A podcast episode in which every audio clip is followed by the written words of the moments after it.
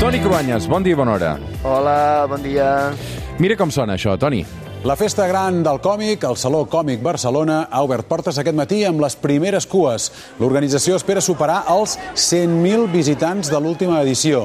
Aquest any hi tornarà Avui amb el Toni Cruanyes parlem del còmic, no dels còmics més infantils, eh, Toni, perquè som en aquest cap de setmana en què el Saló del Còmic, la Fira del Còmic Barcelona, pren protagonisme i hi ha molt de seguidisme amb tot això, tu saps? Molt, molt, eh? Ja ho he sentit, la quantitat de gent que hi va. És com una mena d'experiència religiosa, eh? Això de veure aquests, la gent que es disfressa, fa hores de cua per anar a veure aquests eh, autors de manga o de les sèries d'anime. O sigui que sí, sí, parlem de còmics avui. Mm. Uh, ho farem repassant els còmics de contingut més polític, per això. Sí, fem-ho exacte. Parlem de la sàtira política, eh? que neixen del còmic, segueixen amb els acudits dels diaris, els ninotaires, eh, de la que a Catalunya tenim una gran tradició, això també ho hem de recordar. I, I ara segueixen amb els mems a les xarxes socials, o, és clar, amb programes de gran èxit a la televisió. El Polònia és hereu dels còmics de sàtira política. Home, totalment. I, són mm, sempre la prova del nou d'una bona democràcia que es consideri com a tal. Si realment hi ha sàtira política en un país, podem dir que és un país plenament democràtic. Si no ens podem riure de tot, és que realment no hi ha totes les llibertats que hi hauria d'haver. I tot i que això encara avui porta grans tensions amb els polítics i amb la gent en poder. Mira, una mostra són els còmics anticapitalistes com B de Vendetta als Estats Units o El Jueves a Espanya, amb els seus acudits sobre la monarquia a la portada, o el cas, eh, evidentment, molt dramàtic, eh, Charlie Hebdo a França, amb acudits sobre l'islam que li van costar la vida de 12 persones a l'atemptat del 2015. La llibertat d'expressió és un valor segurament menys universal del que, del que desitjaríem, Toni. A veure, eh, hi ha països i països. Als Estats Units, per exemple, la primera esmena de la Constitució defensa la llibertat d'expressió i per això no és d'estranyar que fos als Estats Units on va néixer el primer còmic polític, el que en diríem la primera vinyeta de sàtira política. Això va ser el 1802 en un pamflet anomenat The Wasp, firmada per uh, Harry Croswell uh, amb, amb un pseudònim, no, no hi posava el seu nom, ell era el propietari del diari. Cal dir que eren il·lustracions sense diàleg, no, no hi havia els globus, eh, els que coneixem ara pels diàlegs, on apareixen aquests textos i rèpliques, eh, però a Harry Croswell, pels acudits a The Wasp, el van portar a judici, i com que en va sortir victoriós, això va enaltir encara més la llibertat d'expressió als Estats Units. Mm. I a Catalunya quan comencen a aparèixer les vinyetes satíriques, Toni? A veure, uh, és molt curiós això. Els orígens de la sàtira catalana escrita uh, es, es remunten a la poesia medieval, o sigui, un gènere totalment diferent, clar, sense il·lustracions. En paral·lel, sí que es fan molt populars les auques. Això és molt català. Una auca és una història pictòrica pròpia de la cultura catalana que sol representar un esdeveniment o una biografia, una llegenda, un ofici o altres temes. A vegades de manera humorística o fins i tot satírica, les auques es van posar molt de moda al segle XIX i en paral·lel van néixer també les publicacions infantils periòdiques, entre les que destaca aquesta. Homes i dones del Catret, patim, patam, patum, no trepitgeu en patufet. El Patufet, al mateix temps que, que neixen els còmics per infants durant la Primera República Espanyola, també van néixer clàssics de la sàtira.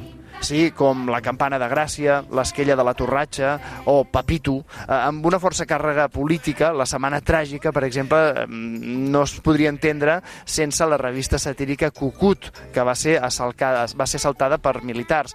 El Cucut havia publicat una vinyeta que ridiculitzava les derrotes militars espanyoles, especialment la Guerra de Cuba, l'any 1898. Com a conseqüència, dos dies després, un grup d'uns 300 oficials, ofesos pel contingut d'aquella caricatura, van saquejar tres locals de premsa de la Lliga Regionalista, que és qui hi havia darrere del Cucut. També van saquejar la veu de Catalunya i en Patufet. Eh, Allò va ser un avís per navegants eh, de sàtira millor no fer-ne. I, de fet, durant les dictadures això és una de les primeres coses que es prohibeix i ha passat a la història d'Espanya. Amb la Segona República va ser quan ja va aparèixer la mítica revista El Bé Negre, però després de la Guerra Civil i durant el franquisme l'humor es va tornar blanc, costumista i sense cap aresta política. Aquí no hi havia humor, eh? El Nodo no deixava pas ni a l'humor, ni a la sàtira política, ni res de res. Bé, de Cap fet, de mena. política, de política no n'hi havia gaire, no? O n'hi havia No. molta, però de clandestina. Sí, eh, al Nodo només en sortia una de política, un personatge molt concret, a la resta ni apareixien.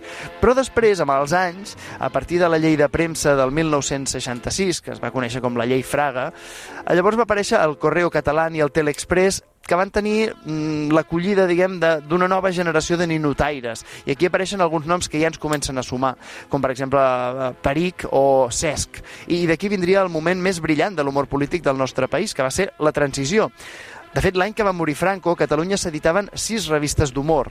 Matarratos, Barrabàs, El Papus, Por favor, Muchas Gracias i Botifarra. Però la intolerància va durar més anys que Franco, perquè l'any 1977 hi va haver un atemptat feixista amb bomba contra el Papus. I amb els anys han anat desapareixent també totes les publicacions satíriques, a excepció del, del jueves, no, Toni? Jo diria que tot això ha estat eh, en benefici dels programes de ràdio i de televisió que, que fan molt d'humor i sàtira política, perquè eh, ens entenguem, de vegades parlem de la història per saber la realitat actual. Doncs una cosa molt senzilla, jo crec que ara no es pot entendre ni el Polònia, ni l'Andreu Buenafuente, la colla dels Oscars, Antoni Soler, l'equip d'en Quim Morales o, o fins i tot el vostre dominical aquí del suplement, sense els precedents de tota aquesta premsa d'humor polític, sense els còmics que van viure la seva edat daurada en moments que políticament eren molt difícils. It was a Avui fins les 9 del matí amb el Toni Cruanyes pel Fiction, la banda sonora de la pel·li del Quentin Tarantino. Toni, moltes Escolta, gràcies. Digues, digues. No, anava a dir, avui posem el Quentin Tarantino just perquè serà a Barcelona aquesta setmana que ve. Sí. I Pulp Fiction és la pel·lícula mítica, eh? basada també en una tradició de còmics i la literatura pulp de la primera meitat del segle passat als Estats Units, o sigui, còmics, sàtira social i Pulp Fiction. Fins les 9 del matí. Salut, Toni. Vinga.